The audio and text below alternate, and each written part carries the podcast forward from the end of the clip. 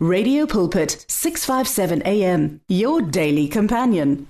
Family, I greet you today in the name of Jesus. I am Pastor Jones Maleka from Radio Pulpit in Pretoria, South Africa.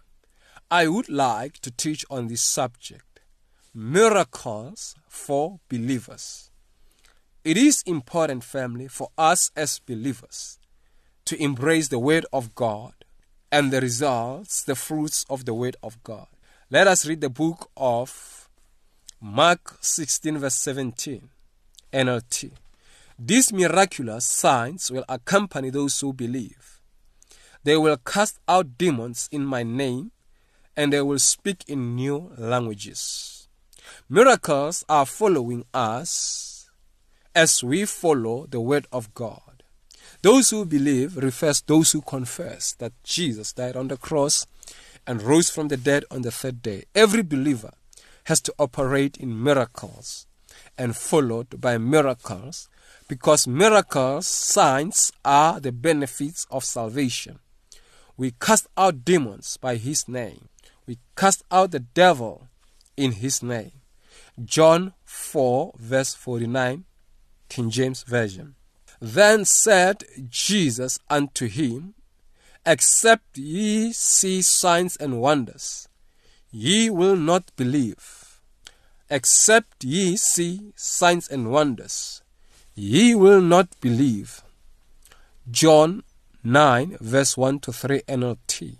For the name of God to be seen. Miracles glorify the name of the Lord because they draw people's attention to God and they glorify the name of the Lord. There are people who have heard the gospel of Jesus Christ. As a result, they do not believe that God exists. There are people who have not heard the gospel of Jesus Christ. As a result, they do not believe that God exists. There are those who heard about God, but they do not believe in Jesus and the Holy Spirit. They do not know that God the Father, the Son, and the Holy Spirit are one. As a result, they think that what they worship is the same triune God because they also say that all people worship the same God regardless of what they worship and how they worship. Such people must know the God who created the heavens and the earth and believe in Jesus as their Lord and personal Savior. Miracles happen to give them proof so that they could see with their eyes and test that miracles that they see could only be done by the living God. Even their idols cannot attempt to do what God has done. That would make them know that there is no difference between God and gods which are idols. Preaching family and teaching the word of God is good enough to educate people about the true living God. And they can hear the word of God and believe in Jesus. Believe in Jesus. However, there are those who cannot believe unless they see tangible proof with their eyes to believe that God exists. Such people must come to the sheepfold of Jesus because he died for them as well on the cross. For them to believe, they must see miracles because they also worship their gods and idols, which make them think that what they worship, that, they worship the same God that we serve. First Kings chapter 18 verse 37 to 39. New King James Version. Hear me, O Lord, hear me that these people may know that you are the Lord. So miracles will cause people to know that He is the Lord. That you are the Lord God and that you have turned their hearts back to you again. Miracles will turn the hearts of people back to God. Then the fire of the Lord fell and consumed the burnt sacrifice, and the wood, and the stones, and the dust, and it leaked up the water that was in the trench. Now, when all the people saw it, they fell on their faces, and they said, The Lord, He is God.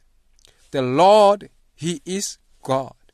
Family, the hearts of people were turned to God. People who wouldn't believe in God. People who were depending on idols. They began to say, The Lord, He is God. The Lord, He is God. So, it is very important for miracles to happen in our lives and through our lives, for people to glorify the name of God, for the hearts of people to be turned to God. Elijah called by the prophets of Baal to show him how powerful, how powerful their God was, or their gods were. He also wanted them to know how powerful his God is, our God is. That was a challenge so that the people could know which God is powerful.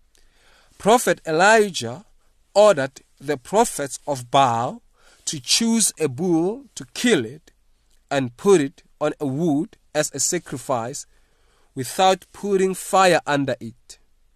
Prophet Elijah also did the same thing as he ordered them to do. He said they should call the name of their God to answer them by sending fire to burn the sacrifice. They called their gods, crying and cutting themselves, but there was no answer. Elijah gave them plenty of time because he knew that if they could not have had enough time, they would say their God was meditating.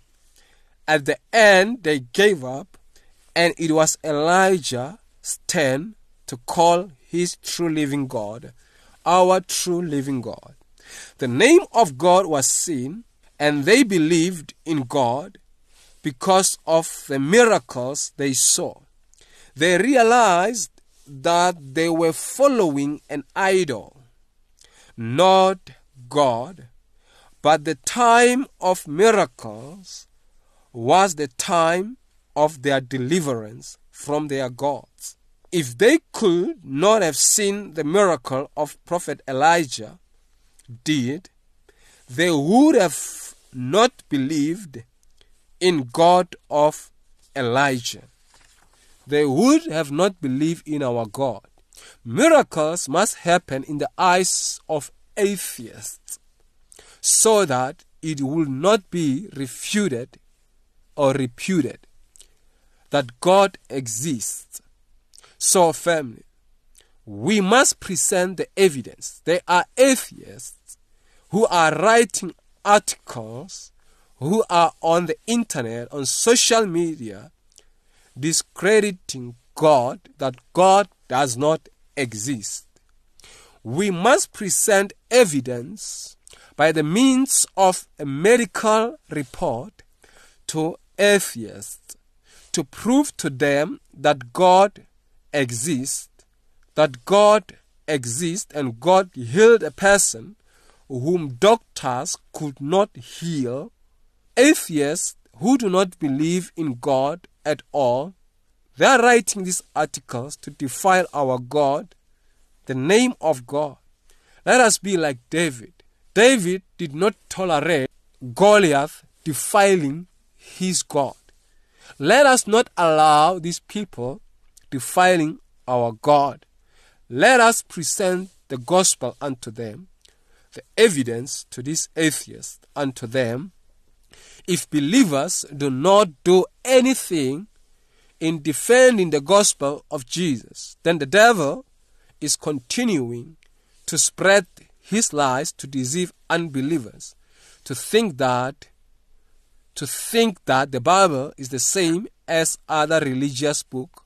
Since the name of Jesus and some biblical quotations have been mentioned in some of religious books, in some of cults.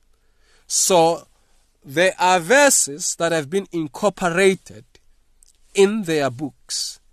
So we have to present biblical archaeologists or archaeologist archaeologist objects in order to show these people that the things that have been written in the Bible took place. That is what we must do. You see, uh, T.L. Osborn, when he went to India to do missions, this is God's general, or was God's general. He went to India to do missions. When he got there, he met Muslims. They said to him, We believe that Jesus is a prophet. They said, We believe that Jesus was a teacher. And T.L. Osborn was surprised. He thought that these people did not believe in Jesus. And he did not know what to say anymore. He did not know what to say. When he was given a Quran, he found that Jesus was mentioned.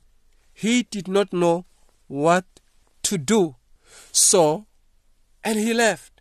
However, he did not know that they don't believe that Jesus rose from the dead.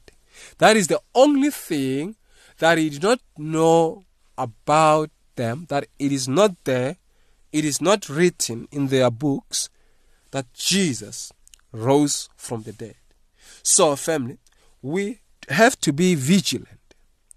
Let us not be ignorant of devil's devices. It has been investigated how atheists and Pharisees have been attacking the Word of God. Jesus never avoided the questions of the Pharisees.